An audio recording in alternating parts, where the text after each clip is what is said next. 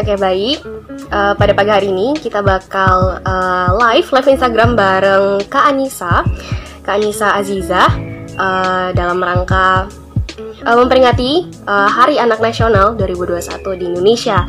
Ya baik, uh, mungkin uh, para penonton semua, halo, hai, selamat bergabung pada teman-teman semua.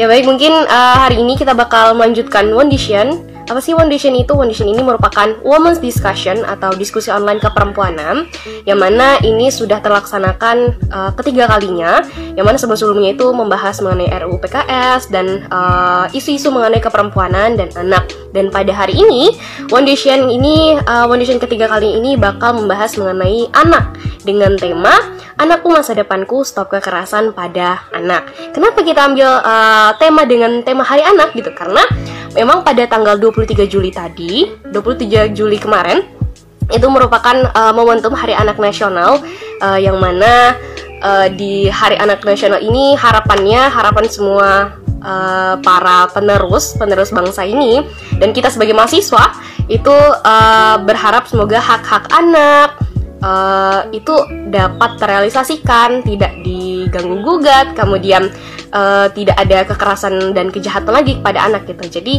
uh, di sini hari ini kita bakal live live Instagram bareng Kak Anissa Aziza Akbar uh, dan kita bakal uh, mengulik serta sharing-sharing mengenai uh, momentum Hari Anak ini uh, dengan tema Anakku Masa Depanku Stop Kekerasan pada Anak.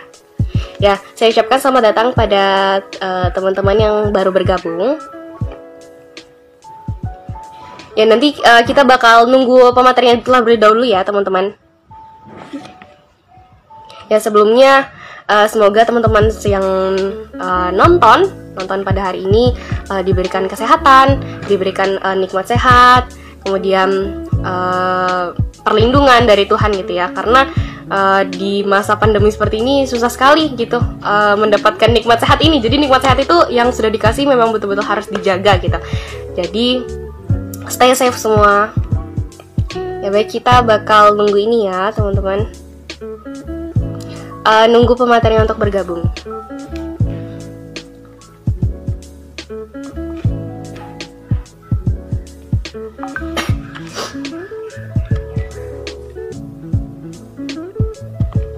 Ya sambil menunggu oh iya nih. Oh iya nih pematerinya sudah bergabung ya teman-teman Eh ya, bentar ya teman-teman.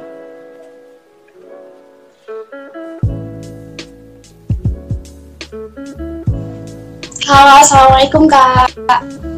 Halo. Alhamdulillah seneng banget bisa akhirnya bisa ketemu sama kak kakak yang hebat ini kak uh, Anissa Aziz Akbar. Uh, kalau boleh tahu pertama ini saya panggilnya kak Anissa apa kak Aziza? Harusnya De Anissa sih kak. Gak apa-apa, kita sama-sama mm, muda, masih muda jadi kak aja. oke, okay, Anissa, oke, okay, oke, okay, Kak Anissa. Ya baik teman-teman, uh, ini merupakan pemateri kita atau uh, yang bakal narasumber kita yang bakal sharing-sharing mengenai um, tema anakku masa depanku stop kekerasan pada anak. Nah, jadi uh, sedikit uh, untuk membuka live kita pada hari ini, kita bakal ini ya, kita buka dulu dengan membaca bismillah. Bismillahirrahmanirrahim. Assalamualaikum warahmatullahi wabarakatuh. Selamat pagi dan salam sejahtera untuk kita semua. Ya baik, saya ucapkan selamat datang kepada para penonton uh, yang sudah menunggu, yang sudah menunggu uh, narasumber kita yang telah datang ini. Kemudian uh, teman-teman uh, pastikan semua teman-teman yang menonton ini uh, dalam keadaan yang siap, karena kita uh, dapat akan mendapatkan ilmu yang sangat bermanfaat gitu dari Kak Anissa ya. Oke, okay, baik uh, sebelumnya mari kita uh, kita kenalan dulu nih sama Kak Anissa. Ya, pertama ini mungkin saya akan membacakan uh, sedikit ya, sedikit prestasi-prestasi uh, beliau yang pernah uh, beliau dapatkan. Jadi yang pertama, uh, beliau merupakan duta anak Kalimantan Timur 2018. Uh, keren banget kan teman-teman ya. Kemudian Aduh, uh, Kemudian uh, beliau juga uh, merupakan peserta Forum Anak Nasional 2018 di Surabaya. Kemudian uh, beliau juga pernah menjadi peserta BIMTEK 2P 2019 di Bali.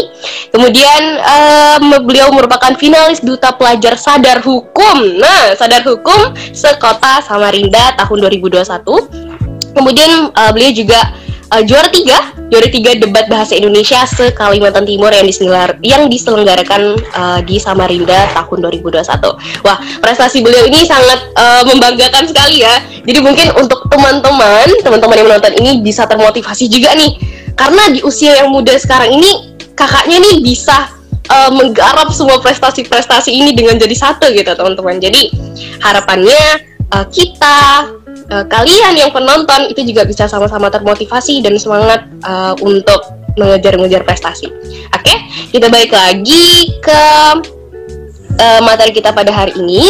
Sebelumnya untuk teman-teman yang belum tahu, hari ini merupakan uh, live Instagram bareng Kak Anissa Aziza Akbar, uh, yang mana live Instagram ini uh, merupakan salah satu program, program Wondition. Apa sih Wondition itu? Wondition ini merupakan Women's Discussion, yang mana itu merupakan diskusi keperempuanan uh, secara online uh, yang sudah diadakan sebanyak tiga kali. Nah, sebelum-sebelumnya ini uh, dilaksanakannya dengan tema yang berbeda. Yang pertama ada RUU PKS, kemudian ada terkait isu keperempuanan dan anak, dan pada hari ini, alhamdulillah uh, masih diberi kesempatan untuk sharing-sharing lagi kepada teman-teman semua uh, dengan tema uh, anakku masa depanku stop kekerasan pada anak. Kenapa kita ambil uh, mengambil tema ini? Karena pada tanggal 23 Juli kemarin uh, itu merupakan momentum Hari Anak Nasional 2021 di Indonesia gitu. Jadi uh, harapannya kita tidak hanya merayakan, tapi sambil merayakan kita juga harus uh, memberikan pengetahuan gitu, pengetahuan dan informasi kepada teman-teman semua. Oke, mungkin uh, kepada Kak Anissa, waktu dan tempat, waktu dan layar kami persilakan ya. Baik. Oke, terima kasih banyak atas waktunya yang telah diberikan dari kakak-kakak panitia terutama. Nah, sebelumnya aku boleh nyapa kakak apa nih namanya? Kak, kak siapa nih? oh ya, sampai terlupa. ya, uh, Kak Sekar. Sekar. Oke, okay, Kak Sekar ya. Ya. Nah, sekarang aku tanya, kita hari ini bakal sesi ini gimana nih? Semi formal, formal atau enggak formal? Hmm, sampai aja kali ya, karena kan uh, penonton kita juga inginnya fresh pagi-pagi gitu kan. Kita santai-santai aja, oke? Okay? Oke siap kak. Oke teman-teman sekalian, sebelum kita mulai, ada alangkah baiknya aku mau bersyukur dulu. Kenapa uh, hari ini aku diberi kesempatan untuk bisa mengisi uh, diskusi online kita pada hari ini, gitu dengan dengan tema anakku masa depanku stop kekerasan pada anak. Sebelumnya aku kembali perkenalkan diri, nama aku Anissa Aziza Akbar, usia aku 16 tahun aku bersekolah di Mandua Samarinda. Sekarang aku duduk di bangku kelas uh, eh, 11 SMA nah, atau kelas 2 SMA ya. Jadi benar yang tadi dikatain kakaknya kayak uh, apa ya? Aku ada prestasi yang lumayan ya enggak gimana ya pasti masih banyak kan kasekar daripada aku dan kayak gimana ya hal itu juga aku dapatkan karena adanya dorongan dari orang tua dan dorongan dari keluarga pastinya begitu ya kak Oke, okay, langsung aja aku lang uh, ke materinya yaitu anakku masa depanku stop kekerasan anak. Jadi yang bakal aku bahas di sini adalah ke tentang kekerasan terhadap anak. Kenapa aku bakal bahas ini? Karena jujur masalah ini tuh nggak pernah teratasi ya kak. Pasti ada terus di setiap di setiap rumah tangga bahkan pasti ada gitu. Jadi di sini aku punya empat poin. Poin pertama adalah kekerasan dalam rumah tangga, kedua adalah kekerasan dalam berpacaran, ketiga adalah kekerasan dalam sekolah, yang keempat adalah kekerasan dalam lingkungan bermain. Jadi dalam empat uh, dalam empat poin ini, kenapa aku ambil poin ini? Karena menurut aku dalam empat poin ini yang menjadi subjek uh, dalam kekerasannya itu adalah anak. Jadi aku bakal ngebahas satu-satu di sini gimana sih kekerasan yang terjadi di dalam empat poin ini, begitu. Oke, langsung aja kita masuk ke dalam pembahasan yang pertama yaitu kekerasan dalam rumah tangga kenapa kekerasan dalam rumah tangga ini yang menjadi uh, sasaran ya uh, sorry sorry yang menjadi subjek kekerasan itu adalah anak? Karena ketika orang tua berantem anak mendengar kekerasan itu mulailah terjadi. Karena yang kita tahu kan gini kan kak kekerasan itu tuh kan nggak cuma fisik mungkin teman-teman itu tahunya kan kayak kera- kekerasan itu pas main pukul anak-anak dimarahin dipukul dicambak dijewer gitu kan kak? Sebenarnya tuh enggak enggak itu aja. Lingkup dari kekerasan itu banyak. Ada se- secara psik- psikis batin gitu fisik dan mental ya gitu yang harus kita ketahui. Ketika orang tua berantem anak mendengar anak itu juga terjadi eh, anak itu mengalami kekerasan dalam batinnya dia pasti berpikir ih orang tuaku kenapa ya? Kenapa kenapa kenapa? Dan ketika dia sudah masuk SD dia udah paham bercerai gitu. Pasti dia mikirnya udah bercerai bercerai bercerai. Nah itu itu sebenarnya yang harus dihindari dari orang tua terhadap anak gitu.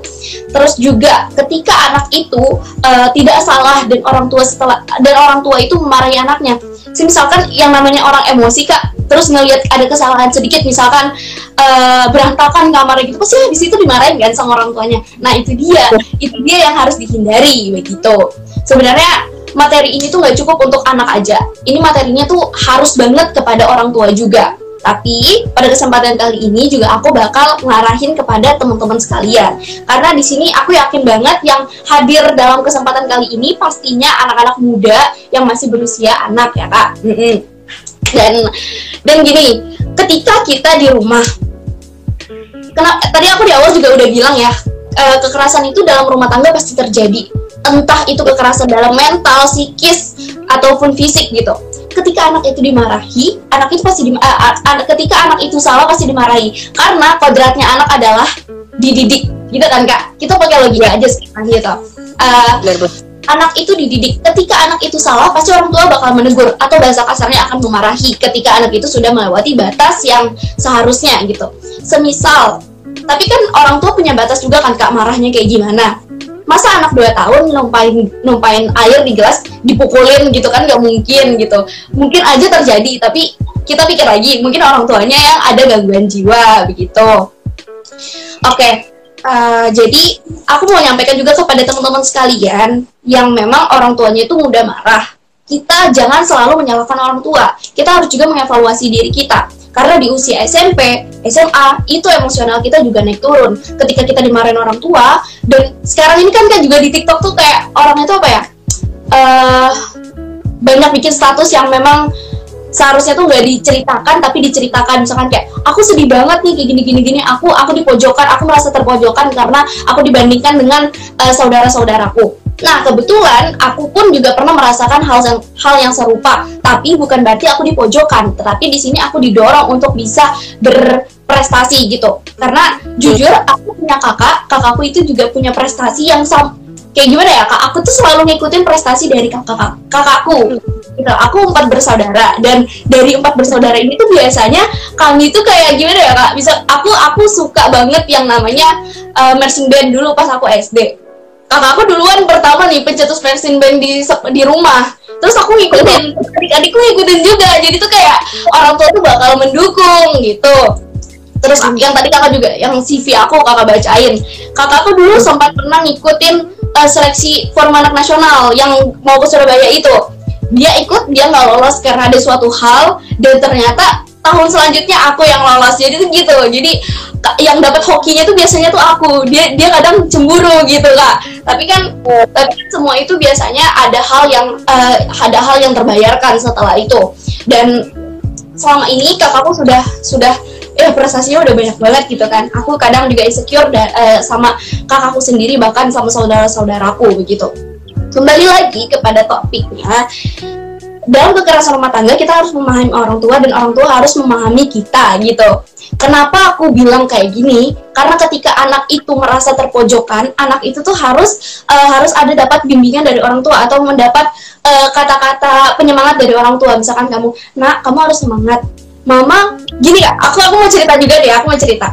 Orang tua aku orang tua aku itu nggak masalah kalau misalkan nilai aku tuh rendah intinya apa yang aku suka silahkan kamu lakukan dan berikan itu yang maksimal. Itu orang tua aku. Orang tua aku tuh mau aja kak nganterin aku. Pah boleh minta anterin caca nggak ke sini ke sini ke sini sini? Oh iya boleh. Gini gini gini gini. Jadi orang tua aku tuh mendukung walaupun aku nggak terlalu hoki banget di masalah pelajaran. Jadi aku pada saat ini aku suka ini kak. Aku suka berorganisasi. Jadi orang tua aku sangat mendukung aku untuk berorganisasi. Karena dari dari aku berorganisasi uh, relasi berteman aku tuh bertambah relasi pre prestasi pun aku juga bakal bertambah gitu kan. Jadi orang tua aku bakal dukung.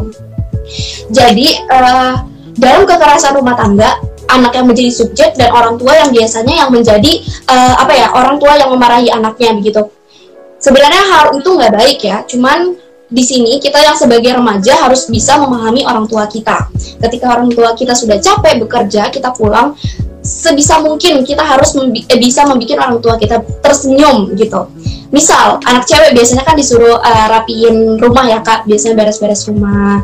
Nah anak cewek biasanya kayak gimana? Ya lakukan hal itu, bikin orang tua senang. Jadi apa? Kita kita juga bisa bijak dalam mengurangi kekerasan dalam rumah tangga dan orang tua pun juga akan berusaha semaksimal mungkin untuk bikin kita nyaman di rumah begitu banyak banget kan kasus-kasus kayak uh, apa sih broken home gitu. Anaknya jadi tinggal sama nenek orang tuanya pisah. Nah itu kan jadi kayak sebenarnya anak yang jadi korbannya.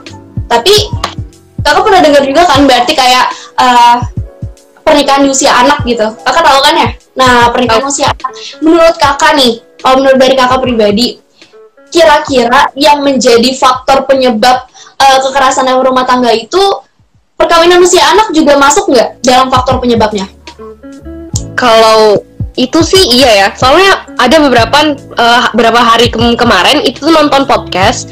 Jadi dia itu melampiaskan keluarga itu termasuk keluarga broken home. Ayah bapak ayah dan ibunya itu uh, pecandu narkoba. Jadi itu dia pengen banget ih aku mau nikah muda aja deh biar aku bisa keluar dari keluarga ini. Nah dia nikah nikah mudanya pas nikah usia anak dan akhirnya pas dia nikah usia anak totonya cerai juga gitu. Jadi uh, dijadikan sebagai pelarian. Dan itu termasuk kekerasan pada anak juga sih. Hmm, karena benar itu kak. Dan pastinya kan kalau misalkan ada hal-hal yang kayak gitu kayak gimana sih kak? Kita di usia anak di usia anak itu kan harusnya belajar meraih dan meraih prestasi sebanyak banyaknya gitu. Jadi di usia kita sekarang ya janganlah kita berkeluarga ibarat itu kayak gimana ya kata-katanya? Masa uh, anak anak apa sih anak nikah sama anak gitu kan jadi hmm. kayak gak masuk gak masuk akal aja gitu. Ketika psikisnya belum belum siap biasanya ini untuk cewek-cewek nih kak. Psikis yang belum siap juga apa uh, fisiknya juga apalagi belum siap dan pastinya lingkungan-lingkungan di sekitarnya tuh uh pasti tuh bilang wah itu kawin muda tuh hamil duluan gini gini gini gini. Nah itu kan jadi konsumsi yang seharusnya nggak didengar sama dia. Jadi kan banyak banget yang hal-hal hal-hal begitu gitu loh ditimbulkan Terus apa faktor ekonomi dan pendidikan? Ekonominya belum matang, tapi dia udah nikah. Bagaimana dia uh, menafkahi anak istrinya? Mungkin aja dia nih apa namanya kayak kaya raya keturunan raya ka, ka, apa kaya raya. Tapi kalau misalkan kita pikirkan lagi masalah bagian dan, dan kesehatannya, psikis, fisik, mental dan kesehatannya kan pasti belum belum matang. Jadi kita tuh harus memikirkan kayak gitu. Walaupun di dalam undang-undang dasar udah ada ini kan kak, udah ada peraturan minimal pernikahan itu di usia 19 tahun. Tapi aku kemarin dapat, aku baru aja dua hari yang lalu uh, ada pelatihan lagi, aku dapat katanya tetap boleh nikah, tapi harus ada ada ada pengajuan pengaju apa ya kak, kayak pengajuan surat pengajuan gitu loh ke ke hakim gitu katanya. Jadi sebenarnya tuh harusnya tuh kan dihapuskan kebijakan ya kebijakan. Kalau misalkan memang 19 tahun ya 19 tahun. Lewat dari itu nggak boleh harusnya kayak gitu. Pemerintah harusnya berperan tegas juga dalam permasalahan ini karena memang sudah ada di dalam undang-undang dasar kita gitu. Oke jadi poin intinya yang kita dapatkan di sini adalah dalam mengatasi uh, dalam mengatasi kekerasan dalam rumah tangga anak remaja harus bisa menempatkan diri yang sebagaimana mestinya. Harus menyenangkan orang tua dan orang tua pasti akan memberi kita kenyamanan yang serupa gitu. Jadi jangan anggap orang tua kita itu marah ke kita ketika kita salah itu adalah kekerasan, tapi anggap orang tua itu melakukan kekerasan ketika kalian itu tidak salah gitu. Jadi kita harus bijak. Oke, lanjut. Tadi mungkin teman-teman agak heran sedikit ya, kenapa aku bilang di sini kekerasan dalam berpacaran karena kenapa aku bahas kekerasan dalam pacaran? Kan usia uh, 13 tahun sampai 18 tahun kan masih usia anak nih kak. Terus itu kan usia anak SMP dan SMA di mana usia-usia gitu kan udah marak-maraknya suka sama lawan jenis nih kak. Mau pacaran mau jalan nih sama doi gini gini gini gini gini. Ya mungkin kak oh. Sekar udah melewati masa-masa itu nih. Uh, jadi itu bikin kita pelajaran ya. Tadi kan Sekar juga sudah menjelaskan ini udah tahap ketiga untuk uh, diskusi online yang sebelumnya juga pernah ngebahas tentang perlindungan perempuan dan anak gitu. Sebenarnya yang di sini biasanya menjadi korban itu adalah perempuan. Perempuan disalahgunakan ketika uh, hawa nafsu yang tidak bisa ditahan terjadilah yang namanya uh, apa sih hubungan apa hubungan badan gitu antara cewek dan cowok yang biasanya menjadi yang kan kalau misalkan apa ya apa sih kak bahasanya tuh kalau terjadi kayak gitu yang bertanda itu tuh kan cewek biasanya. Cowok ini nggak ada bekas apa-apa yang biasa tuh bekas ada ceweknya. Nah betul bener itu. Jadi harusnya cowok itu bijak menjaga cewek bukan merusak cewek. Harusnya tuh begitu. Bener banget kan nggak jadi cewek itu kalau misalkan mau dijadiin pacar ya dijaga di hmm. dilindungin bukan malah dirusak begitu. Jadi jadi kita harus juga bijak. Kita sebagai cewek juga harus bisa menjaga, apa menjaga harga diri kita sebagai perempuan dan sebagai sebagai cewek. Dan laki-laki juga harus bijak dalam berpacaran ketika pacar nggak nurut kadang dimarahin kadang diancam-ancam mau diputusin bikin cewek nanti malam overthinking. Aduh pusing banget kan kak? Jadi kayak aduh nggak nggak nggak sehat banget di pacaran. Apa sih bahasa anak sekarang itu toksik pacaran toksik jadi kayak hal hal-hal yang begitu tuh harusnya dihindari. Aku mau saran ke teman-teman yang cewek sih terutama. Kalau kalian dapat cowok yang kayak gitu mending putusin cari yang lebih banyak di luar sana masih banyak yang lebih baik begitu loh. Jadi betul betul. Dan sehat banget kan nggak kayak gitu kayak merusak merusak perempuan merusak anak anak ayahnya yang sudah dirawat dari kecil gitu kan. Aduh sedih banget sih kalau misalkan dengar uh, ada ada kejadian seperti itu. Sebisa mungkin untuk dihindari begitu. Jadi itulah yang namanya di, eh, itulah yang namanya kekerasan dalam berpacaran. Ketika dimarahin pacarnya ketika dibentak-bentak ketika dipermalukan di depan umum dan juga uh, ketika dilakukannya hubungan badan yang dipaksa oleh cowok gitu biasanya gitu. Oke. Okay. Dan selanjutnya adalah kekerasan dalam sekolah. Nah, ini kan udah banyak nih kak yang namanya sekolah ramah anak. Mungkin kakak tahu sekolah ramah anak ya kak? Nah, sekolah ramah anak itu biasanya eh, sekolah-sekolah uh, yang memang sudah tidak melakukan uh, kekerasan fisik terhadap anaknya ketika anak sekolah, anak muridnya itu melakukan kesalahan. Uh, terus aku kan juga ini ya di bawah naungan pemberdayaan dinas pemberdayaan perempuan dan perlindungan anak kota Samarinda itu dari pembina aku juga sudah mengajarkan bagaimana seharusnya guru itu tuh bersikap kepada anak muridnya. Emang anak muridnya harus salah itu harusnya dibimbing. Ada yang namanya guru BK guru BK guru BK itu kan apa sih kak? Bimbingan konseling. Jadi kan uh, anak itu kalau ada salah bisa dibimbing ke situ. Tapi yang biasanya di Indonesia ini yang namanya anak itu masuk BK pasti ada kena masalah dan dimarah dimarahin lain sebagainya. Sebenarnya kalau kita tahu kita paham ini ya perlunya kita paham juga teman-teman.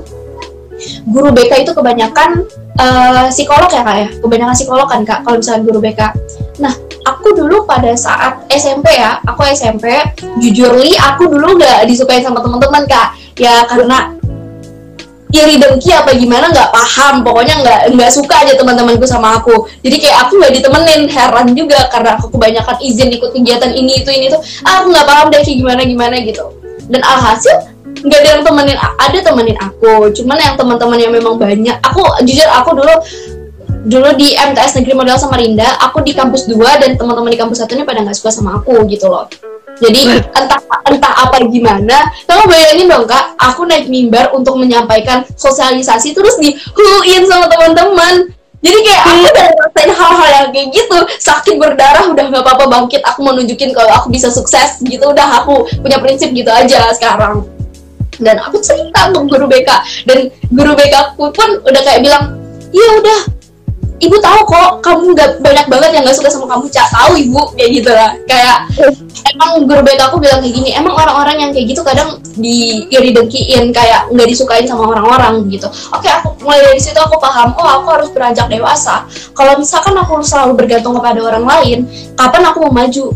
Diriku ya diriku nanti aku sukses buat diriku juga dan keluarga aku bukan untuk teman-temanku gitu kan kak? Bener banget kan kak kayak apa ya? kayak disindir-sindir di Instagram ya buat apa gitu. Sebenarnya kan kita berdiri berdirinya kita itu untuk diri kita untuk orang tua dan untuk keluarga. Jadi gak usah lah kita punya mindset yang kayak gitu. Cukuplah itu mindset aku dulu pas SMP pas SMA ini aku udah mulai sadar oh bener ya yang dikatakan guru BK aku gini gini gini gini jadi aku dulu bimbingan sama guru BK nih kak. Aku tanya-tanya sama guru BK aku gimana ya bu? Saya tuh kayak gini kayak gini seharusnya saya gimana? Di guru guru BK aku ya kasih tahu harusnya kamu kayak gini. Ya udah kayak kamu ya jalan aja untuk diri kamu sendiri. Dan sampai akhirnya aku eh, sekarang udah mulai belajar mandiri sih kak. Jatuhnya aku belajar mandiri. Nggak nggak selalu bergantung sama temen. Aku mau belajar bisa menjadi diriku sendiri dan pastinya nggak bergantung sama teman-teman begitu terus dalam sekolah nih kan anak-anak tuh pasti ada yang dibully ya kak. Karena itu juga merusak merusak batin anak. Ketika anak uh, ketika anak itu dibully diolok-olok anak itu merasa terpencil. Kayak anak itu merasa disudutkan. Kayak aduh aku aja nih nggak didukung. Ah udah nggak usah sekolah. Dan alhasil setelah itu minimnya minimnya prestasi yang dia dapat kan dikit dikit aja kebanyakan ya kak yang aku dapat itu biasanya anak-anak yang kayak gitu susah banget bangkitnya. Harus memang butuh teman-teman yang ngerangkul bukan berarti teman-teman yang kayak tambah menjatuhin dia gitu. Misalkan dia lewat lewat aja tuh disindir-sindir. Ih gini gini gini gini gini. Ya mungkin kita semua sudah tahu ya kayak gimana sih bully yang uh, yang ada di sekolah yang terjadi di sekolah. Sebenarnya kalau kita sudah paham kita jangan ngelakuin mikir gimana kalau adik kita yang begitu kan pasti kita sedih. Berarti itu juga perasaan orang di rumahnya ketika kita gitu kan uh, keluarganya gitu. Jadi kita harus bersikap uh, bijak aja dalam di sekolah. Mungkin SD SMP masih ngelakuin itu ya kan. Nanti kalau misalkan udah SMA mungkin paham gitu. Jadi kadang kan ada guru yang marah sama muridnya sampai ngecubit uh, apa sih namanya sampai ngejewer dan lain sebagainya. Nah, kebetulan di Kota Samarinda udah banyak banget uh, anak-anak apa sekolah-sekolah yang sudah ramah anak. Jadi sekolah yang dinobatkan sebagai sekolah ramah anak itu kekerasan kekerasan fisiknya udah dikurangin dan kekerasan batin, lebih ke guru yang merangkul anak muridnya. Jadi aku pun sekarang di Mandua sudah uh, jadi sekolah yang ramah anak. Dan aku juga merasakan hal yang serupa. Seperti eh, guru-guru uh, yang memang mementingkan perasaan si murid daripada uh, kepentingan. Kayak gimana ya kayak aku ini harus paham di, daripada uh, aku ini harus dimainkan fisik sama guruku. Jadi guru tuh punya cara sendiri gitu. Kita nggak usah pikirin itu urusan guru kalau misalkan untuk permasalahan yang kayak gitu. Oke jadi kesimpulan yang dari kekerasan dalam sekolah itu ya kita harus harus juga bijak. Jangan jangan selalu memikirkan keinginan kita pribadi in, apa mikirkan juga uh, sekolah ini tuh kita niatnya buat apa. Niatnya adalah untuk meraih pendidikan yang sesuai, meraih prestasi yang sebanyak-banyaknya, ya udah kalian tunjukkan aja. Itulah caranya kamu mau, mau bikin orang mau bikin orang insecure sama kamu. Raih aja prestasi sebanyak-banyaknya yang nggak bisa dia raih. Bener kan nggak? Kayak bener bener. ya kita kalau dapat piala foto kamu di Instagram pajang gitu. Biar berpahala gitu kan buat apa? Dia buat apa coba? Nyindir nyindir ngegibahin buat apa gitu kan? Apa pahalanya juga buat aku? Ya nggak apa-apa terserah aja gitu kembali lagi ke mereka begitu. Itulah tadi uh, kesimpulannya. Lanjut yang terakhir adalah kekerasan dalam lingkungan bermain. Nah apa sih kekerasan dalam lingkungan bermain? Ya sama sih sebenarnya di sekolah juga masuk lingkungan bermain. Tapi kembali uh, lingkungan bermain itu kan luas ya kak. Lingkupnya nggak cuma di sekolah kayak ada di taman, di lapangan dekat rumah atau lain sebagainya. Kan anak-anak kecil biasanya tuh main-main ya kak, kayak bareng sama teman-temannya. Jadi ada di sebuah taman, aku pernah lihat mata pakai mata kepala aku sendiri di taman sama rendah yang memang taman itu disalahgunakan sama orang-orang sama oknum sama oknum ya kak. Jadi pada itu aku malam malam minggu aku ke Taman Samarinda. Aku bersama keluargaku. Ketika itu aku sendiri aku mau jalan-jalan sendiri nih. Aku mau muterin mau muterin taman malam-malam kan mau lihat gimana. Eh ternyata aku lihat pemandangan yang gak seharusnya aku lihat gitu. Ada orang yang bibir ketemu bibir. Aku kaget. Wah kenapa nih? Kok kayak gini? Itu jadi taman-taman yang seharusnya diperuntukkan untuk rekreasi, untuk bermain, untuk refreshing. Jadi taman yang horor ya jadi jatuhnya gitu kan kayak aduh yeah. pacaran kenapa di sini kalau misalkan kayak gitu ya janganlah karena kan yang namanya taman biasanya diutamakan untuk anak-anak harusnya tuh nggak kayak gitulah terus juga di taman cerdas di taman cerdas juga kan kak itu merupakan taman yang bebas rokok apa sih bebas asap rokok. Dan sebelumnya juga di pas banget di depan di depan taman samar uh, taman cerdas itu tuh ada banner gede itu ya rokok rokok. Terus pada pada saat musrembang saya ngomong sama teman-teman saya bapak boleh nggak sih itu diturunin? Kan itu di depan taman anak. Masa anak-anak disuguhkan dengan banner sebesar itu tentang rokok? Gitu. Tahu nggak sih kak? Abis itu saudaranya langsung diturunin. Seneng aja gitu. Seneng aja gitu. Alhamdulillah. Tapi tapi tetap yang namanya orang yang kayak gitu oknum-oknum yang kayak gitu kan memang nggak bisa kita hilangkan. Pasti yeah. ada itulah tantangan tantangannya pemerintah untuk menanggulangi permasalahan-permasalahan yang kayak gitu. Kita jangan selalu menyalahkan pemerintah. Pemerintah juga uh, semaksimal mungkin untuk mengusahakan apa yang diinginkan sama uh, masyarakat-masyarakatnya. Ini ya kak, aku selalu dengar yang kayak apa ya ngejelekin pemerintah gitu kan. Apalagi untuk permasalahan-permasalahan yang kayak gitu. Pemerintah nggak kasih akomodasi gini-gini. Pemerintah nggak kasih bansos misalkan kayak gitu. Selalu pemerintah yang disalahkan. Sebenarnya yang salah itu adalah oknum. Anggaran selalu ada setiap tahunnya. Anggaran anggaran anggaran yang ber, bermiliaran miliaran itu emang udah ada. Aku pernah lihat kak itu bener-bener ada kak. Kayak mereka tuh kan ada set, rapat setiap tahun gitu kan kak. Apalagi pada saat musrenbang itu dibahas untuk uh, untuk kota Samarinda itu pembagiannya di setiap uh, dinas itu tuh berapa berapa ratus juta per satu tahun. Karena ada pembagian iya karena ada pembagian bidang-bidangnya dari setiap bidang ada dibagi nih untuk berpuluh uh, berapa juta berpuluh juta dalam satu tahun harus dihabiskan begitu. Nah biasanya yang yang kayak gitu oknum yang mengambil kesempatan uh, uang itu tuh diputarbalikan kenyataannya di dalam surat dan dibalik tanda tangan dibalik pulpen itu banyak banget kebohongan biasanya kayak gitu. Jangan kita sekali-sekali menyalahkan pemerintah salahkan oknumnya. Jangan jangan juga kayak dari jari kita jadi mengubah mindset orang yang awalnya sudah baik sama pemerintah tapi jadi uh, apa mikir buruk sama pemerintah gitu. Jadi kekerasan dalam lingkungan bermain ini kan biasanya tuh kak kita tahu kan pedofil, om-om yang suka sama anak itu yang biasa. Ketika anak-anak bermain, yang namanya orang suka ya pasti diliatin. Kalau misalkan dia sudah hilaf pasti didatengin mulai tuh dipegang-pegang mulai dicabuli gitu kayak harusnya tuh nggak kayak gitu. Ya namanya orang punya keinginan masing-masing dan setiap orang juga punya batas masing-masing. Mungkin itu belum melalui batasnya menurut mereka gitu. Tapi biasanya kalau sudah melakukan hal seperti itu habis itu ditindaklanjuti oleh pemerintah atau pihak yang berwajib setelah itu ada yang namanya uh, di healing. Kayak apa sih kak? Kayak uh, diberi bimbingan yang sebenarnya itu bagaimana gitu kan.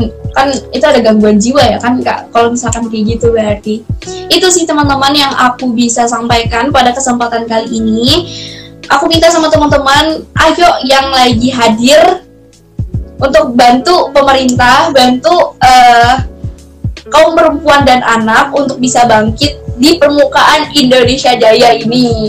Karena uh, in, apa Indonesia ini juga per, punya yang namanya mimpi uh, kota layak apa Indonesia layak anak di tahun 2045 nanti. Jadi insya Allah kita semua bisa uh, membantu untuk perempuan dan anak itu bangkit, tidak diremehkan lagi.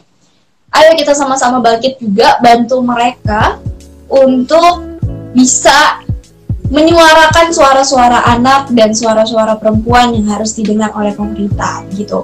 Oh ya kak, aku juga mau kasih info kalau misalkan setiap musrenbang, tadi kan aku juga udah bilang ya kak musrenbang, musrenbang itu tuh musyawarah, rencana pembangunan. Nah biasanya di setiap tahun itu ada diadakan, tapi setiap pergantian uh, wali kota itu ada musrenbang itu ada dua, ada ada yang per tahun, ada yang per lima tahun sekali. Yang biasanya tuh lima tahun sekali itu uh, kayak program-programnya itu lebih diasah bagaimana uh, untuk lima tahun ke depan begitu. Dan biasanya forum anak juga dilibatkan. Jadi kita bisa menyuarakan suara-suara anak di dalamnya. Nah kami selaku forum anak itu sangat memperjuangkan suara-suara anak yang uh, harus diperjuangkan. Seperti apa? Seperti hak-hak anak nih mana? Memang kan yang kita tahu empat ada ada empat dasar hak anak hak hidup tumbuh kembang perlindungan dan partisipasi. Itu empat itu uh, poin empatnya yang apa ya kak? Yang paling menonjol. Dari 31 hak-hak anak. Jadi ketika anak itu uh, keinginannya adalah untuk dipenuhinya pendidikan misalkan kayak kayak apa ya? Uh, banyak kan anak-anak di pelosok. Kita forum anak nih kan juga mikirin gimana teman-teman kita yang di pelosok yang benar-benar nggak punya dana sekalipun yang memang ada ada dampak dari broken home dari orang tuanya dan lain sebagainya kita sudah mikirin gitu anak ini bagusnya kayak gimana ya? Kira-kira kita beri perlindungan apa? Kita beli eh kita berikan uh, belaan apa ya untuk kita serahkan nanti ke pemerintah gitu. Jadi kita udah banyak kayak anak bapak kami mohon banget untuk teman-teman kami yang di luar sana yang tidak memiliki orang tua yang tidak memiliki orang tua jangan dipekerjakan. Jangan jangan jangan dibiarkan untuk mengamen di luar sana. Tolong kasih mereka makan tolong kasih mereka fasilitas untuk mereka hidup untuk mereka uh, berpendidikan. Mereka itu sangat butuh untuk pendidikan. Kami tuh yakin kak kalau misalkan mereka itu ketika mereka ada duit mereka tuh pasti akan uh, apa ya menggunakan duit itu tuh dengan sebaik-baiknya.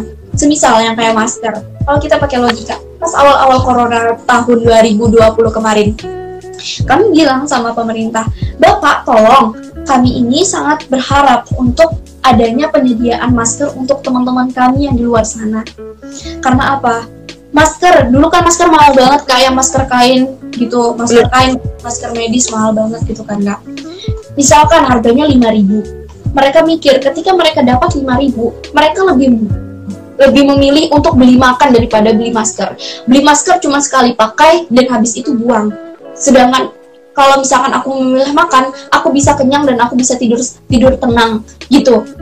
Kita pikirin juga prinsip-prinsip mereka sebenarnya yang kayak gitu yang harus ditanggulangi untuk uh, pemerintah sebenarnya mungkin ada ya kak. Untuk sekarang mungkin ada cuman memang udah berbelok uh, uangnya ke korban-korban yang kena virus corona ini. Ya kita doakan aja semoga yang lagi join sekarang teman-teman sekalian kesekar aku dan keluarga semoga terlindungi dari virus corona. Jadi um, aku berharap juga sama teman-teman sekalian yang di sini jangan pernah kalian merasa kalian itu tidak dilindungi oleh negara.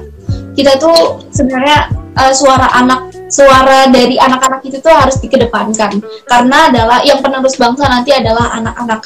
Jadi kita harus meneruskan eh kita harus kayak gimana ya kak? Harus mengedepankan bagaimana kepentingan anak dulu baru kepentingan orang tua. Harus kayak gitu. Jadi uh, orang tua harus paham anaknya, anaknya pun harus paham orang uh, orang tuanya. Itu sih kak yang aku bisa sampaikan pada kesempatan kali ini. Aku harap teman-teman sekalian bisa paham apa yang aku maksud dan mungkin habis ini boleh buka sesi tanya jawab atau kita diskusi lagi nih kak. Mungkin bisa tanya jawab kalau buat teman-teman yang mau uh, bertanya atau bisa diskusi juga ya teman-teman ya.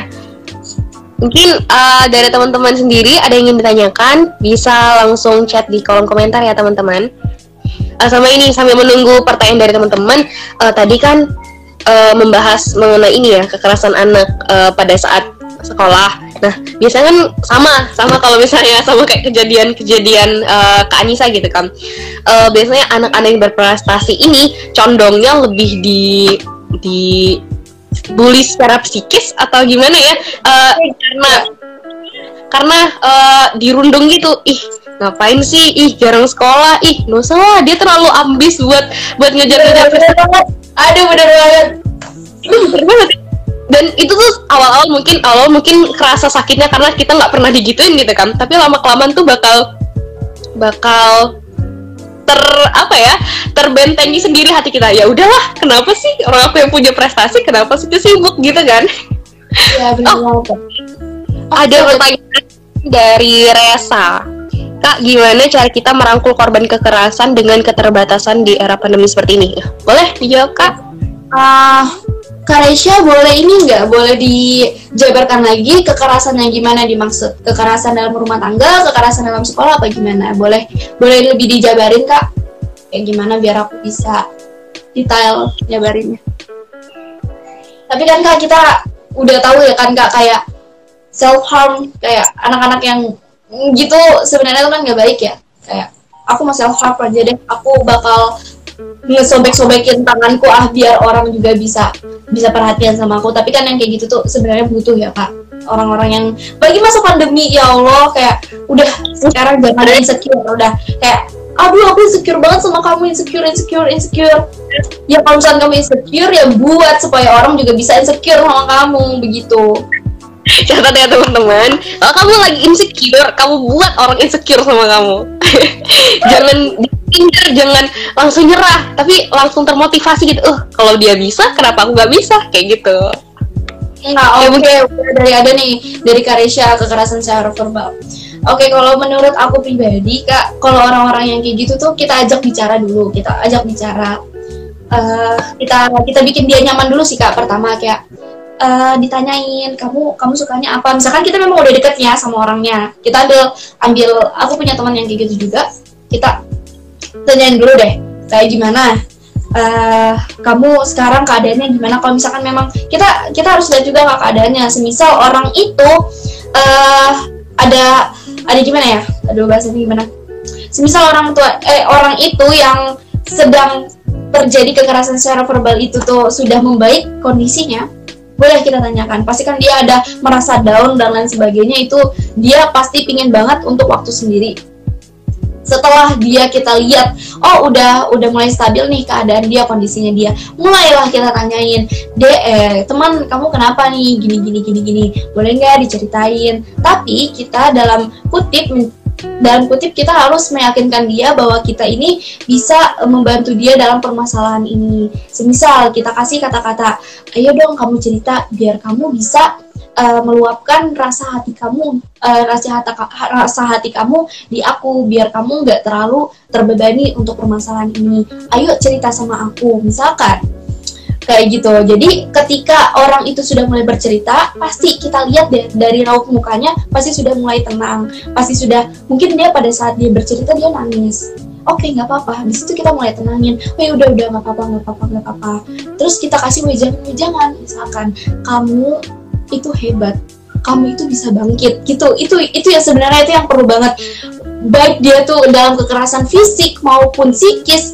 Jadi kayak uh, wejangan-wejangan itu yang sebenarnya dibutuhkan. Misalkan kayak uh, teman kita nih yang kayak tadi yang kata Karesha yang kekerasan verbal, ya udah ditanyain aja kamu ini sebenarnya gimana, pinginnya kayak gimana, orang-orang di sekitar kamu ini gimana, dukung kamu apa enggak. Kalau misalkan kita ngeliat nih dari kondisi lingkungan rumahnya atau uh, kondisi dalam keluarganya memang nggak baik, ada alangkah lebih baiknya kita bujuk dia untuk menginap di rumah kita tahu kak? Sebenarnya kayak gitu. Jadi kayak uh, ayo dong kamu datang aja ke rumahku. Nanti kita nanti kamu nginap aja di rumahku berhari-hari.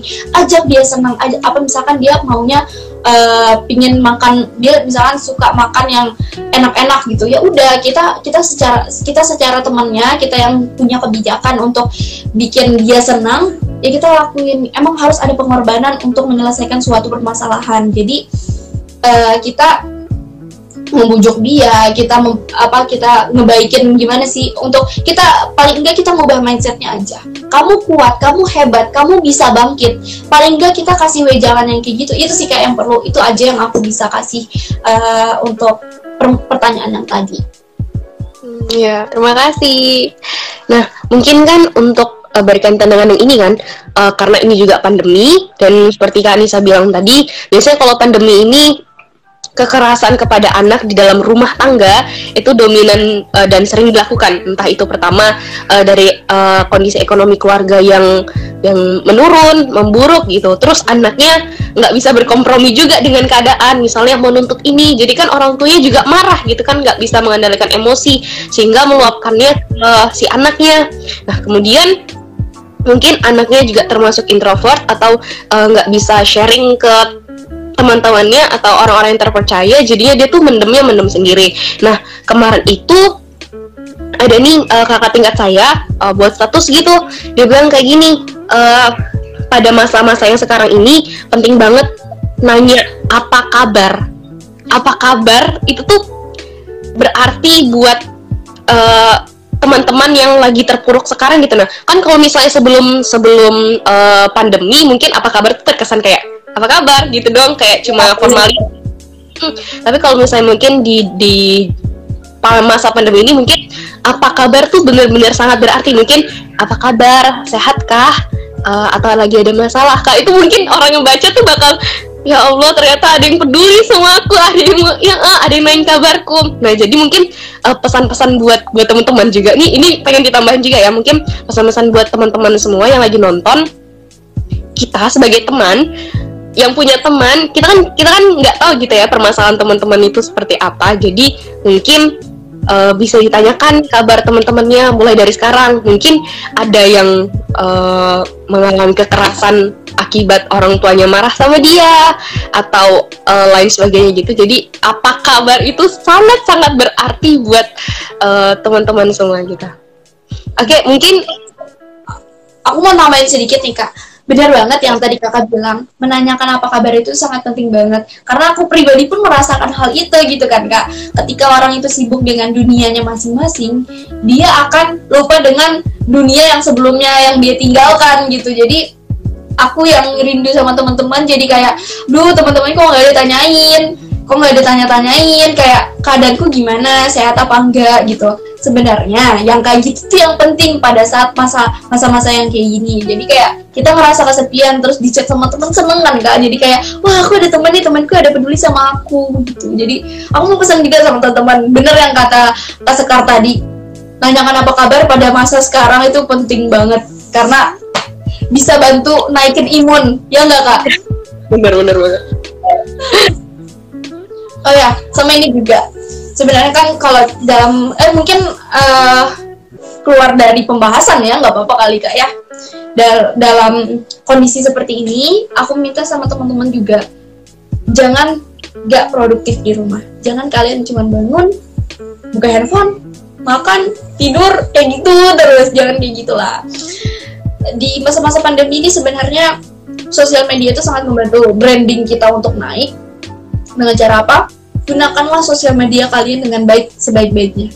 Kalian punya TikTok, Instagram, WhatsApp, gabung di gabunglah di dalam uh, grup-grup uh, yang memang bisa membangkitkan semangat kalian untuk ambisius untuk uh, berprestasi. Misalkan kayak ada event kayak apa ya webinar misalkan kayak gitu. Ya udah join aja.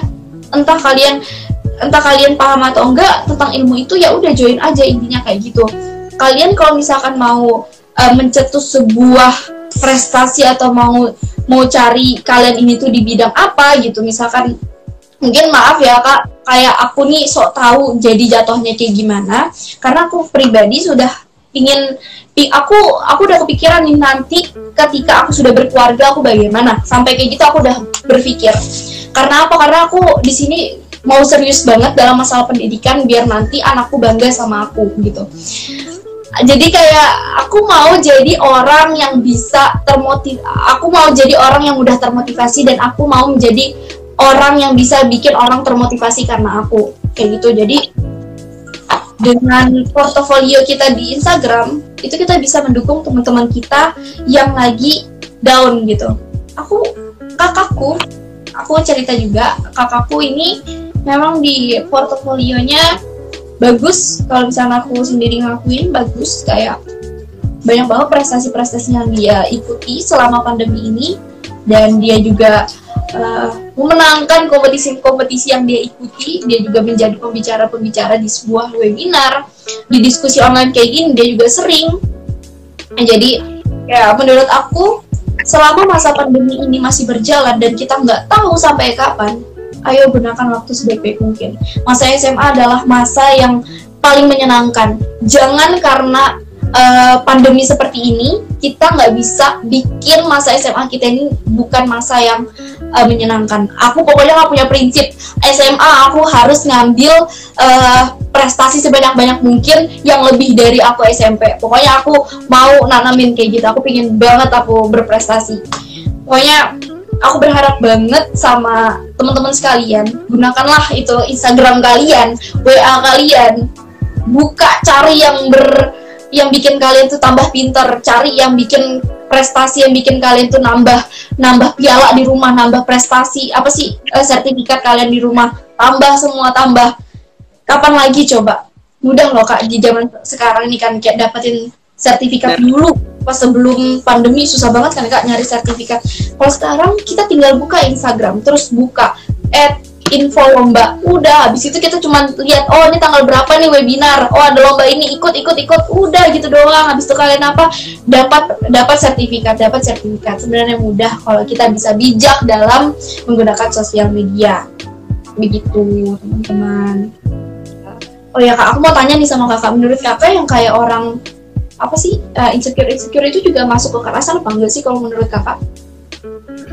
Mungkin hmm, lebih ke perang batin kali ya.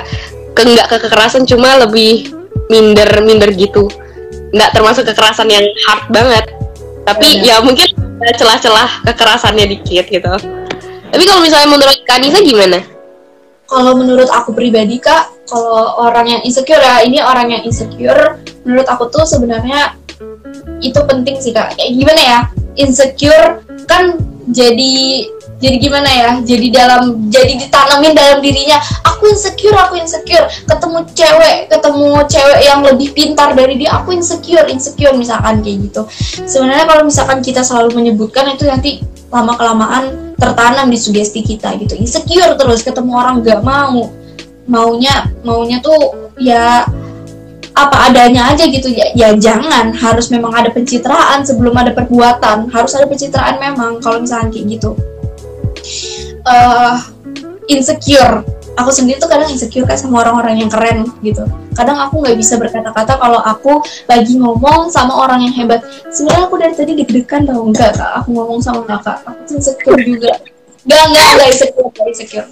Kayak kayak ngerasa aja aku juga pingin kayak kak Sekar bisa ngomong di depan umum tanpa tanpa terbata-bata. Aku pingin banget kayak gitu. Jadi aku juga sekarang lagi belajar kak. Lagi belajar cari-cari pengalaman cari-cari ilmu untuk yang apa yang aku impikan gitu sih kak. Jadi kayak orang-orang yang di sekitar aku juga soalnya alhamdulillah lingkungan keluarga juga mendukung. Keluarga orang tua juga sangat mendukung. Kayak misalkan keluarga di sebelah bapak juga mendukung keluarga di sebelah mama juga mendukung. Jadi apa sih yang menjadi halangan kita untuk maju? Rezeki kita tuh udah ada yang ngatur rezeki itu nggak cuma satu macam bukan bukan rezeki uang uang uang nggak. Rezeki prestasi itu juga membanggakan bisa memudahkan kita untuk dikenal orang. Branding itu penting. Ya aku dapat itu semua juga dari kakakku. Kakakku bilang gini dari Instagram kamu itu bisa mencari branding. Dari Instagram orang itu bisa tahu kamu. Bisa aja kita lewat nih kak. Oh ini kak Anissa. Oh ini kak Sekar yang ada di Instagram. Oh gini gini gini gini wah itu aku aku pingin banget nanti kalau misalkan aku udah gede terus ada orang yang ketemu aku oh ini kak Anissa yang di Instagram ya? Itu aku pingin banget kak kayak gitu. Aku mungkin sekarang baru bermimpi-mimpi tapi aku yakin di suatu hari nanti aku bakal bisa kayak gitu. Aku yakin banget. Amin. Jadi semangat ya untuk teman-teman semua dan jangan lupa juga uh, stop kekerasan pada anak. Mungkin kita yang punya adik atau sun kita kan juga bakal jadi ibu gitu kan, ibu untuk anak-anak kita nanti. Jadi uh, karena kita sudah tahu nih, sudah tahu macam-macam kekerasannya, macam-macam kekerasan seperti apa, entah itu secara langsung atau tidak gitu. Jadi uh, kita bisa menerapkan ke adik kita atau ke anak-anak uh, kita nanti. Jadi uh, bijaklah dalam kita sebagai anak, kita sebagai anak bijaklah dalam uh, menanggapi sesuatu. Jangan uh, apa-apa, ih orang tua aku marah gini-gini. No, ya memang marah, tapi harus diambil sisi positifnya. Oh, saya harus begini nih supaya orang tua saya nggak marah lagi. Kata. Sama yang tadi uh, berkaitan dengan insecurity. Jadi uh, mungkin kemarin kemarin saya ada uh, ketika mentoring ada nih ada nih uh, pematerinya pematerinya bilang begini kalau kita mau sukses kita harus gundah itu itu bener-bener tertanam banget kalau kita mau sukses, terus terus terus kak. Kita kalau kita mau sukses kita harus gundah. Kenapa harus gundah? Karena kalau misalnya kita gundah kita pasti mikir ih gimana ya? Ih dia sudah dapat ini. Oh aku harus dapat ini nih. Ih kayak, kayak apa ya caranya? Kayak gitu. Kita harus ada rasa gundah. Nah, rasa gundah ini yang akan memotivasi kita untuk mendapatkan sesuatu yang kita harapkan. Jadi, untuk teman-teman semua, uh, jangan lupa untuk gundah, jangan ter jangan lupa untuk terus untuk mendapatkan apa yang kita inginkan dan uh, melalui pesan-pesan tadi, melalui uh, live yang kita uh, jalankan hari ini, uh, semoga ilmu-ilmu mengenai kekerasan pada anak dan uh, jenis-jenisnya itu bisa kita pahami dan tidak kita lakukan kepada adik atau uh, anak-anak kita nanti. Jadi mungkin uh, kita akhiri kita akhiri sesi live streaming live uh, di Instagram kita pada hari ini. Saya rasa usai sudah perjumpaan kita pada kali ini dan saya terima kasih banyak kepada Kak Nisa yang sudah berkenan menjadi narasumber dan sudah membagikan ilmu yang sangat sangat sangat bermanfaat untuk teman-teman semua dan terutama untuk saya. Uh, terima kasih. Saya juga mohon maaf apabila uh, selama live kita um, ada kesalahan kata, pengucapan atau dan lain sebagainya. Uh, baik, untuk teman-teman juga saya ucapkan terima kasih banyak yang sudah dari tadi uh, stay tune bersama kita. Um, menyimak materi-materi yang disampaikan oleh narasumber kita yang hebat ini uh, dan mohon maaf juga apabila selama uh, selama memaparkan materi atau selama berlangsungnya acara terdapat kesalahan teknis kata-kata maupun pengucapan. Baik, saya mohon undur diri. Kurang lebihnya mohon dimaafkan. Wassalamualaikum warahmatullahi wabarakatuh. Sampai jumpa. Terima kasih kak. Banyak ya kak. Ya Allah, kasih. Aku boleh keluar? Boleh, boleh, boleh, boleh. Terima kasih. Terima kasih kakak semua panitia. Salam buat panitia bilangin terima kasih juga dari aku. Nanti aku bakal sampai juga ke forum-forum anak aku ya kak. Keren banget kak, kasih keren banget. Semangat terus Anissa. Semangat. Ya, kak, makasih banyak. Assalamualaikum. Warahmatullahi wabarakatuh.